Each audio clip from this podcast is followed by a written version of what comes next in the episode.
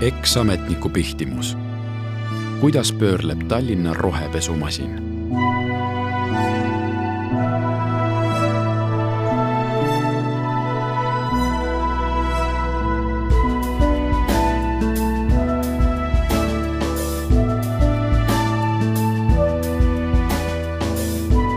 autorid Martin Laine Eesti Ekspressist ja Mari Mets Levilast. Tallinna Euroopa rohepealinnaks aidanud eksametnik iseloomustab linnavalitsuses töötamist kui geriljamissiooni. tuli kasutada kavalust, pääsemaks mööda kivistunud tippjuhtide ning poliitikute egodest. endine linnastrateeg Mihkel Kaevats mõistab isegi, et oli Tallinna linnavalitsuses töötades justkui võõrkeha. mässuline, kes on nii mõnegi linna otsuse vastu ka tänavatel meelt avaldanud Kaevatsi ja teiste geriljatöö, nii ta seda ise nimetab, tulemusel valiti Tallinn Euroopa roheliseks pealinnaks. võeti vastu kliimakava ja linna arengustrateegia aastaks kaks tuhat kolmkümmend viis. Need on kõik juhised, kuidas linn roheliseks pöörata. viimast nimetab linnapea Mihhail Kõlvart esimesena, kui küsida, millist visiooni tema linnapeana teostab selle elluviimiseks on tehtud Tallinna linnajuhtimises suurim reform viimase kahekümne aasta jooksul. Tallinna strateegiakeskuse loomine. lubasime Euroopa rohepealinna konkursi finaalis, et viime need eesmärgid ellu. meie selja taga oli linnapea autoriteet, ütleb endine linnastrateeg Kaevats. strateegia väljatöötajate silmis on aga mure. liiga sageli on hästi tehtud plaanid lihtsalt sumbunud seda kardetakse ka rohestrateegiate puhul. et neist saab harilik rohepesu. jutuks hea, aga tegelikke muutusi ei sünni. pealtnäha tegeleb linnavalitsus rohepöördega agaralt. raha kulub kõvasti. äsja võeti suisa sada miljonit eurot laenu, et ehitada uusi ratta- ja kõnniteid. ostetakse hoogsalt uusi busse ja tramme, plaanitakse uusi trammiliine, enamasti küll Euroopa Liidu toetusrahade eest aga siiski päriselt. linnameedias esitletakse innovaatilisi imevigureid nagu trammisarnane elektribuss ehk metroobuss.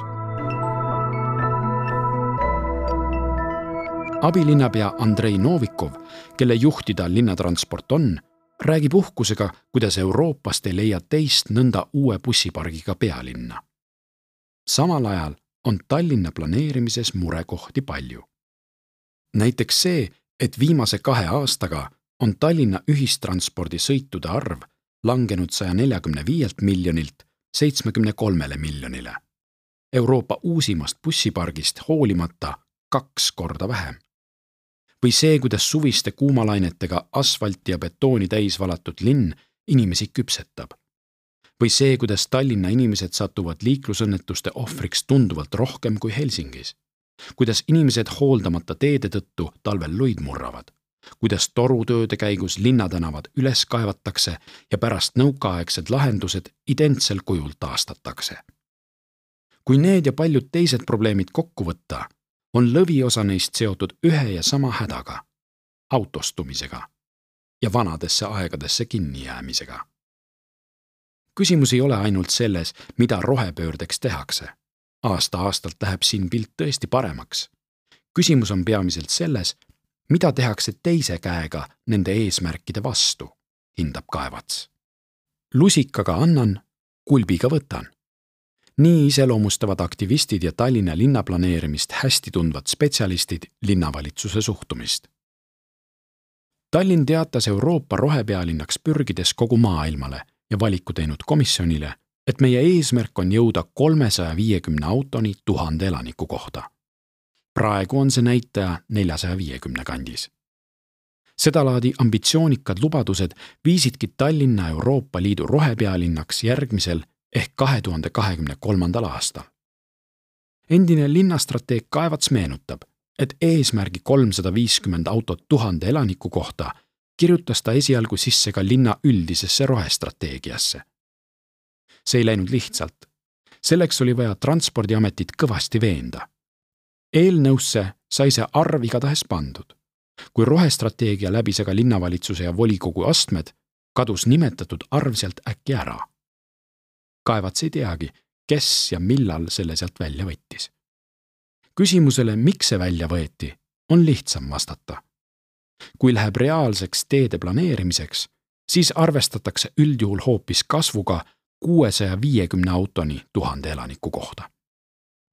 igasugune tee-ehitus, kus projekteerimisel arvestatakse kuuesaja viiekümne autoga tuhande elaniku kohta, on kuritegu linnarahva vastu, hindab Kaevats kõik uued tee-ehitused Tallinnas arvestavad järjest suurema autode hulgaga ja üha autokesksema eluga.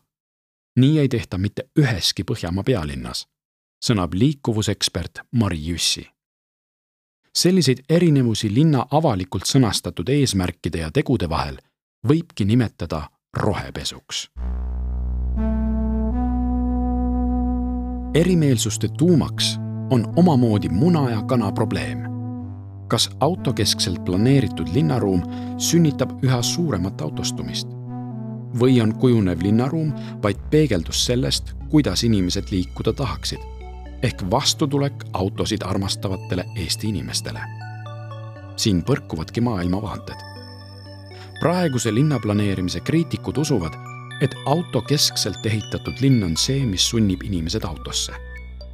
Inglise keeles öeldakse selle efekti kohta induced traffic ehk kunstlikult esile kutsutud liiklus.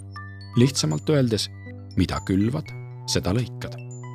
Nii teevad kümnete, isegi sadade miljonite eurode eest rajatud suured Tallinna magistraalid, ristmikud, läbimurded ja ringteed autostumist vaid hullemaks.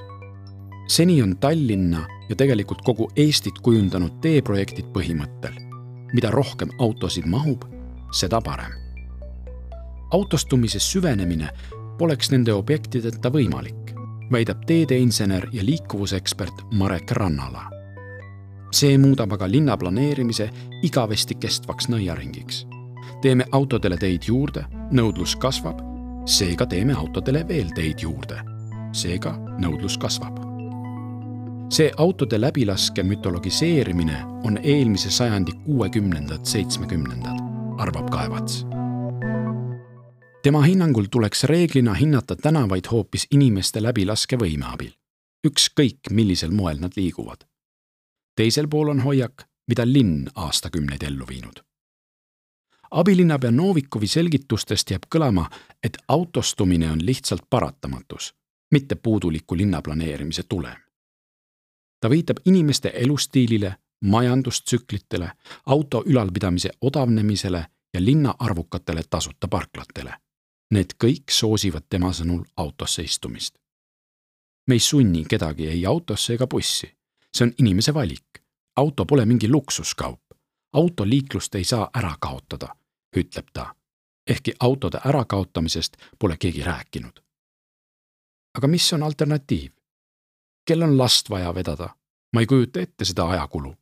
teatud inimeste jaoks on autoga sõitmine täiesti alternatiivivaba, teatab Novikov ta ei paista olevat mõistet tekitatud liiklus kuulnud ning tema näole ilmub seda kuuldes vaid segadus. Kui abilinnapeale see mõiste lahti selgitada, ei vaidlegi ta sellele vastu. ma ei vaidle vastu, et kui tee tehakse paremaks, siis kasutajate hulk suureneb, tunnistab ta. ent ta usub, et suurte magistraalide ehitamine linna äärtesse siiski vabastab ka kesklinna autodest probleemil on kultuuriline taust. mina nägin eelmist, sügiseni ametis olnud linnavalitsust. selle liikmed kelkisid omavahel, kellel on uuem Mercedes, meenutab Kaevats. kõik otsustajad sõitsid ise autoga. Nad nägidki linna autoaknast. Nad mitte üksnes ei saanud teistsugustest vaatepunktidest aru, vaid need tundusid neile ka alaväärsemad kaevatsile näib, et linnajuhid on aastaid vaadanud isegi väikesi samme autode tõrjumiseks linnapildist nagu katku. mullu aasta algul kutsus Arhitektide Liidu juht Andro Mänd muutma Rävala puiesteed suveks autovabaks, nii nagu Tartu südalinnaski on mitmel suvel tehtud. sealne autovabaduse puiestee on toonud linnasüdamesse inimesi ja elu Rävala puiestee kui paljurajaline, ent väiksema liikluskoormusega autokeskne pulvar oleks sobinud katsetuseks hästi. Tallinna linnavalitsuse ruumiloome spetsialistidele see idee meeldis. kujutasid vaimusilmas juba ette puiesteel jalutavaid lõbusaid inimesi, toiduputkasid, pinksilaudasid, kuid abilinnapea Andrei Novikov transpordivaldkonnast sekkus ja tõmbas järsult pidurit. bussid ei saavat sõita, trollid ei saavat pöörata. välisministeeriumile ei pääse sõidukitega ligi, kaubikud ei saa ärideni, selgitas ta. auto vabade alade vastu ma pole, aga mulle ei meeldinud see, et sellest tehti poliitiline aktsioon. seda ei saa teha kirve meetodiga, ütleb Novikov ise suuremat debatti ametite vahel ei järgnenud. lihtsalt ei saa ja kõik. mitme linnaplaneerimise juures aastaid olnud eksametniku sõnutsi on Novikov piduri tõmbamise maailmameister. ja head selgitust, miks ta niimoodi käitub, pole neil kellelgi. poolemiljoniline linn pole see koht, kus teeme ära ja siis vaatame, mis juhtub. siin võib juhtuda lihtsalt liiga palju, põhjendab oma ettevaatlikkust abilinnapea ise samas näib kriitikutele, et näilisest lõputust läbimõtlemisest on saanud mugav argument, miks linna mitte tuua uut mõtteviisi. uute lahenduste kasuks otsustamata jätmine on samuti selge valik. samal ajal jõuavad ilma pikema mõtlemiseta linnapilti vanamoelised ja autot eelistavad lahendused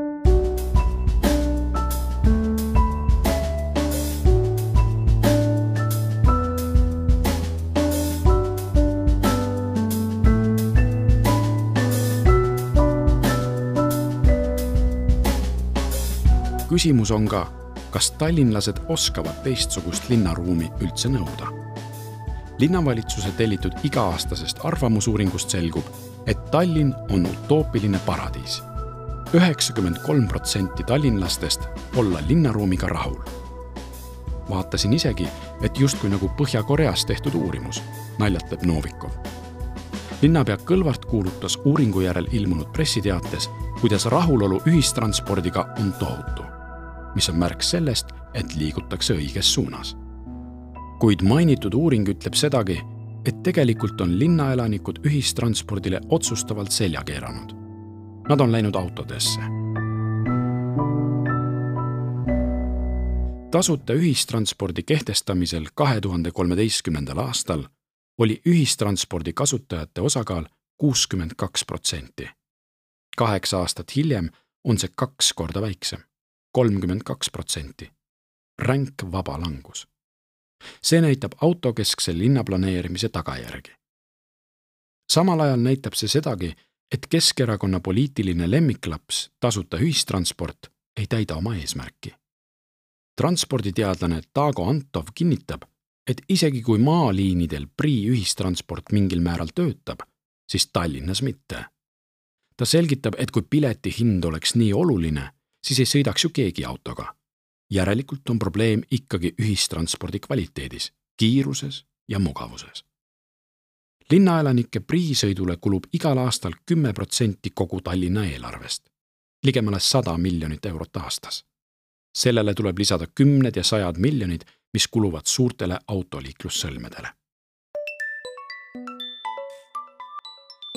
liigse autokesksuse tõttu teenib omajagu kriitikat linna piirile plaanitav Tallinna väikese ringtee lahendus. tegu on Tallinna ajaloos suurima teeprojektiga, suurem kui Laagna tee. plaani järgi peaks selle käigus lennujaama alla ehitatama kilomeetri pikkune tunnel, mis ühendaks Rae valla Peterburi teega. see peaks vähendama liiklust kesklinnas, Järvevana teel ja Tartu maanteel. ametlikult on eesmärgina kirjas autoliikluse vähendamine muigab teedeinsener ja liikuvusekspert Marek Rannala. et see juhtuks, liikuvuspetsid ei usu. Rannala ütleb, et pole ühtegi tõendit, mis viitaks, et nõnda on võimalik liiklust kesklinnas hajutada. see on kogu maailmas tõendatud, et kui rajada tingimused, siis tekib liiklus. see ei tähenda, et mujal liiklus selle võrra väheneb, selgitab ta. väikese ringtee tasuvusarvutus sõltub, nagu iga teeobjekti puhul, autode hulgast ja ajasäästust. ehk mida rohkem autosid suudetakse modelleerimisega näidata, seda tasuvam on projekt, räägib Rannala.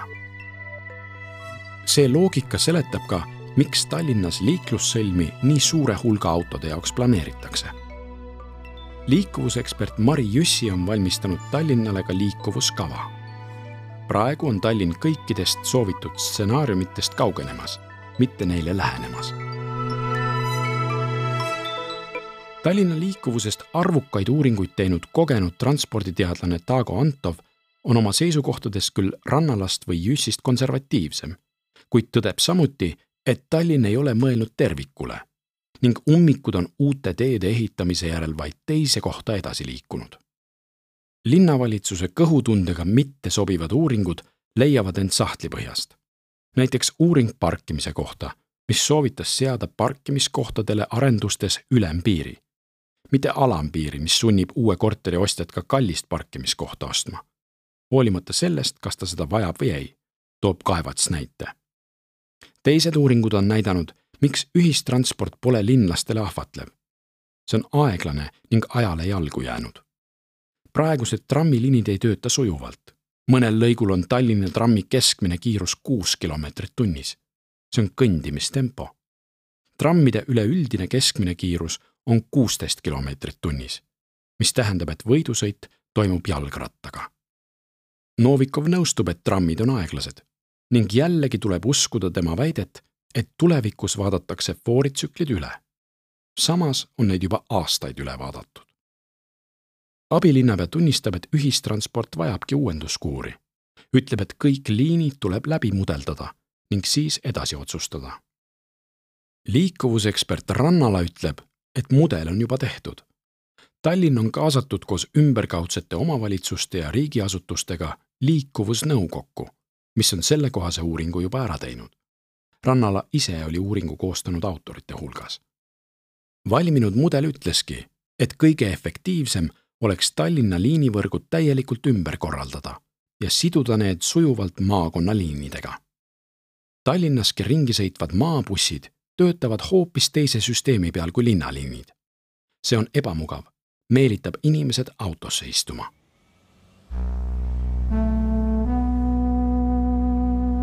töötavale inimesele pole Tallinna ühistransport Mari Jüssi sõnul kunagi liiga kallis olnud. aga Tallinnas tööl käivale Harjumaa elanikule on komplekt maakonnaliinist, rongist ja Tallinna ühistranspordist üks Euroopa kallimaid. tuleks kokku leppida ja ühine lahendus teha. oma avalikes seisukohavõttudes paistab Tallinn sellega nõustuvat. kuid kulisside taga eelistab soleerimist. seepärast on ka kõigist uuringutest vähe kasu Novikov väidab ka loo autoritele, et koostöö riigi ja omavalitsustega on suurepärane. samas viitab ta korduvalt, et küsimus on rahas. kas Tallinn peaks tõesti maksma kinni teiste valdade liikumisvõimalused?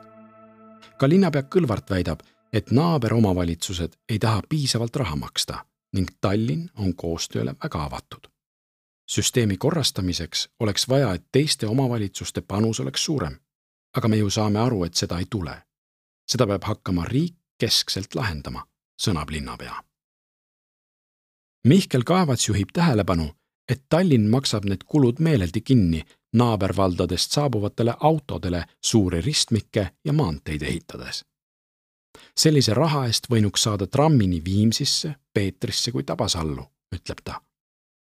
otsene teede ehitamise kulu on lihtsalt mõõdetav aga tehtud on ka uuring, mis ütleb, et kui Tallinna ja selle lähiümbruse ühistranspordiliinid oleks mõistlikult korraldatud, hoiaks inimesed kokku aega neljakümne nelja miljoni euro väärtuses igas aastas. kui vaadata igasse valdkonda lähemalt sisse, on seal alati palju põhjuseid, miks midagi teha ei saa. linnavalitsuse tööd seestpoolt näinute hinnangul pole see poliitikute teadlik ja läbimõeldud kuri plaan mõnikord ei saa linnavõim lihtsalt oma tööga hakkama. bütsantslik ja mittetoimiv organisatsioon. just nii kirjeldavad arvukad endised ja praegused linnavalitsuse töötajad oma tööandjat. milles see seisneb? alamate arvamustest sõidetakse üle ning seisus maksab. ametnike tasandil on kohati väga tugevaid ideid, kuid linnavalitsus otsustab ikka mahajäänud arusaamadest lähtudes, arutleb Kaevats probleem on väga sageli ka kivistunud linnaametites. nii mõnigi ajale lootusetult jalgu jäänud lahendus linnaruumis, olgu see teelõik, ristmik, liikumisskeem, peatus, mis tuleks kindlasti roheliseks pöörata, on aastaid tagasi tehtud nende ametnike ja otsustajate poolt, kes on praeguseni ametis. Nad on omal ajal neid lahendusi loonud ja kaitsevad ning õigustavad oma kunagisi valikuid tänaseni. nii jõuab pealinn nagu lõputul küünlapäeval ikka ja jälle samade tulemusteni. näiteks kurikuulus Keskkonna- ja Kommunaalameti juht Ain Valdman on teflonmees, kes töötab linnasüsteemis juba tuhande üheksasaja seitsmekümnendatest aastatest. teda pole murda suutnud isegi arvukad korruptsiooniskandaalid. Transpordiameti keskerakondlasest juht Andres Harjo asus ametisse samuti kuusteist aastat tagasi. mitu Eesti Ekspressi ja Levilaga kõnelenud linnavalitsuse ekstöötajat väidavad, et just neis ametites ning transpordiala abilinnapea Andrei Novikovi käte vahel värsked ideed takerduvad, hääbuvad ning närtsivad. minu sealoleku ajal öeldi mulle kogu aeg, et peame kõigi muudatustega ootama, et enne tuleb liiklust mudeldada, meenutab Kaevats. mudeldamine on kujunenud omamoodi korduvaks naljaks, sest mudeldamise mudeldad vajalikke muutusi linnapilti ei jõua. kuna praegune olukord on tasakaalust väljas nii linnaruumi kui keskkonna seisukohast, siis peaksime tegema radikaalselt teistsuguseid otsuseid. praegune mudel võtab praegused andmed ja projitseerib need tulevikku, arvab Kaevats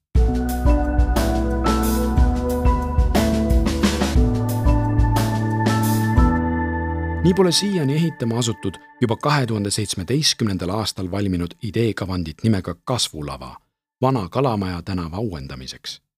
ajale jalgu jäänud autokeskne piirkond võiks hõlpsasti muutuda jalakäijasõbralikuks. Balti jaama ümbrus saaks mitu uut väljakut linnamööbli ja purskkaevudega. transpordiamet arvas aga, et Balti jaama lähistel asuvas busside parklas peaksid uue lahenduse korral bussid väljudes pisut tagurdama see tulevad kõne alla, kuna on oht, et nad sõidaksid üksteisele otsa. seda peeti piisavalt oluliseks ja lahendamatuks probleemiks, et kogu inimsõbralik projekt blokeeriti aastateks. ehitusloani jõuti alles tänavu jaanuaris, pea viis aastat pärast ideekavandi valmimist. bussitaskute probleem on siiani lahendamata. poliitiliste ambitsioonide linnavalitsuse ebatõhususe ja stagneerunud ametkondade koostöös võib sundida koletis, nagu mullu suvel maha joonistatud erkpunaste rattateede lahendus. Nende rattateede lähteülesanne oli tegelikult suurepärane, meenutab endine strateeg Kaevats. ta väidab, et rattateede mahajoonistamine polnudki nii läbimõtlemata, kui lõpuks mulje võis jääda. koosolekud selleks algasid juba aasta varem. linnapea Mihhail Kõlvart isiklikult juhatas ta oli sada protsenti selle plaani taga. linnapea lähteülesanne oli ka mõistlik, luua rattaparklad ning teed, mis kulgevad sujuvalt ja järjest ühest linnaosast teise. täpselt see, mida vaja, kiidab Kaevats. aga siis kogenud tippjuhid, kes vastutavad tänavate ehituse ja transpordi eest, leidsid hulgaliselt põhjendusi, miks seda nii teha ei saa. mõnel juhul õnnestus neid ümber veenda näiteks kulus linnaplaneerijatel omajagu vaeva, et jalgrattad Narva maanteel ühe sõidurea kuuest autodelt endale saaks. kolmel koosolekul kuulsin seda, kuidas see polevat võimalik, meenutab Kaevats. lõpuks võtsid Tallinna Strateegiakeskuse linnaplaneerijad ühel hetkel initsiatiivi ning joonistasid jalgrattateed paberile. Need kiideti heaks ja saadeti Transpordiametisse, toonase juhataja asetäitja Talvo Rüütelmaa kätte kelle ülesanne oli plaan ellu viia. vahetult enne kohalikke valimisi ajastatud lahenduseks sai silmatorkav ja kergesti kooruv ehk ruttu loodusesse kaduv erkpunane värv. paljud lahendused tänaval olid silmatorkavalt poolikud ja kriitikute hinnangul mitmel pool suisa ohtlikud. tulemust hakkas saatma kriitikatorm ajakirjanduses. Kõlvarti isiklikku projekti jäi nii saatma piinlikkustunne valimised olid ukse ees. see päädis Rüütelmaa töölt lahkumisega. nüüdseks on enamik punasest rattatee värvist lumesulaveega minema uhutud. transpordiamet leiab, et teed tuleks uuesti üle värvida. kui nii läheb, on nii Novikov kui uus sotsist abilinnapea Madle Lippus lubanud värviga seekord konservatiivsem olla. Tallinna tänavatel lähevad asjad miskipärast pidevalt vasemale tõdeb Kaevats. See näitab, et paraku ei suuda praegune linnasüsteem, hoolimata sellest, et võim on selgelt linnapea käes, iseendagi mõistlikke plaane ellu viia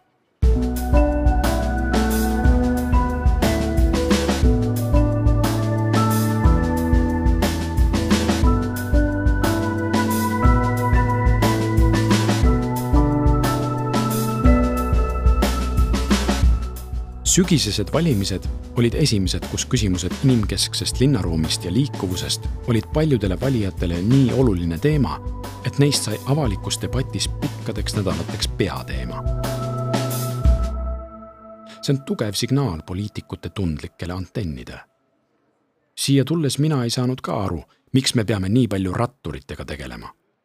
aasta pärast juba sain aru, tunnistab Novikov, kuidas temagi muutuse läbi on elanud abilinnapea Madle Lippus on lubanud tolmu pühkida linnapea Kõlvarti poolt kõrvale jäetud Tallinna peatänava projektilt. soov on liikuda edasi ja projekti täiendada.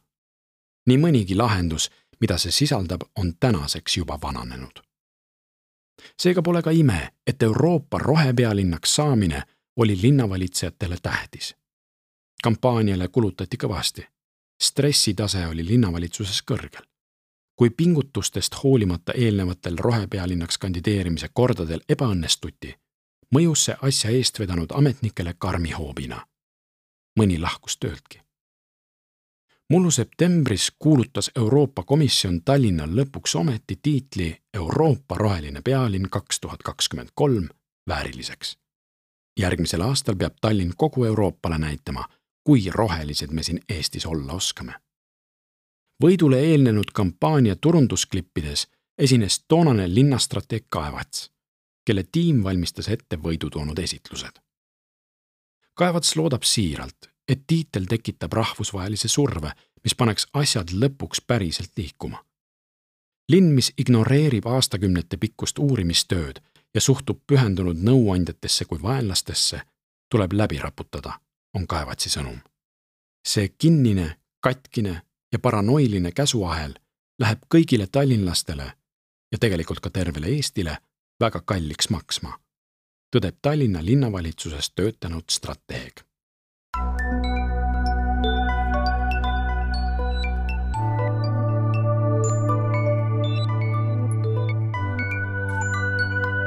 rohebusside künklik teekond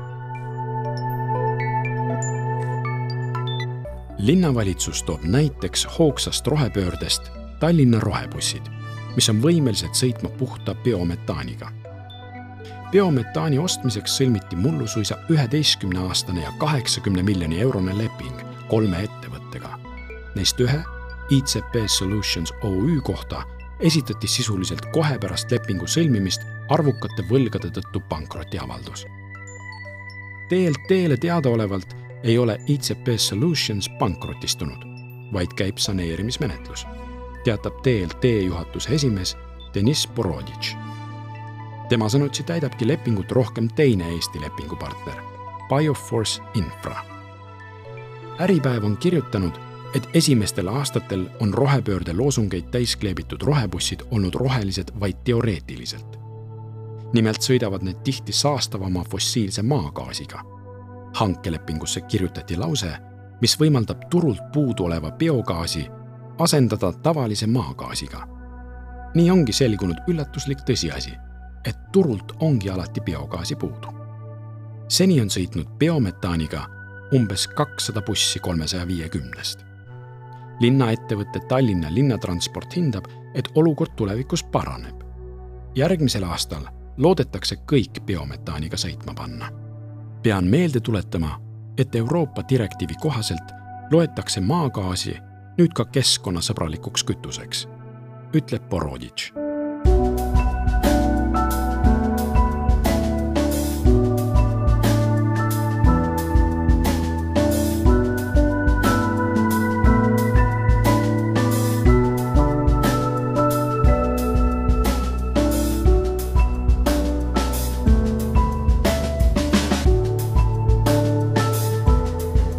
audiolugu luges Sergo Vares. salvestus, helikujundus ja originaalmuusika Janek Murd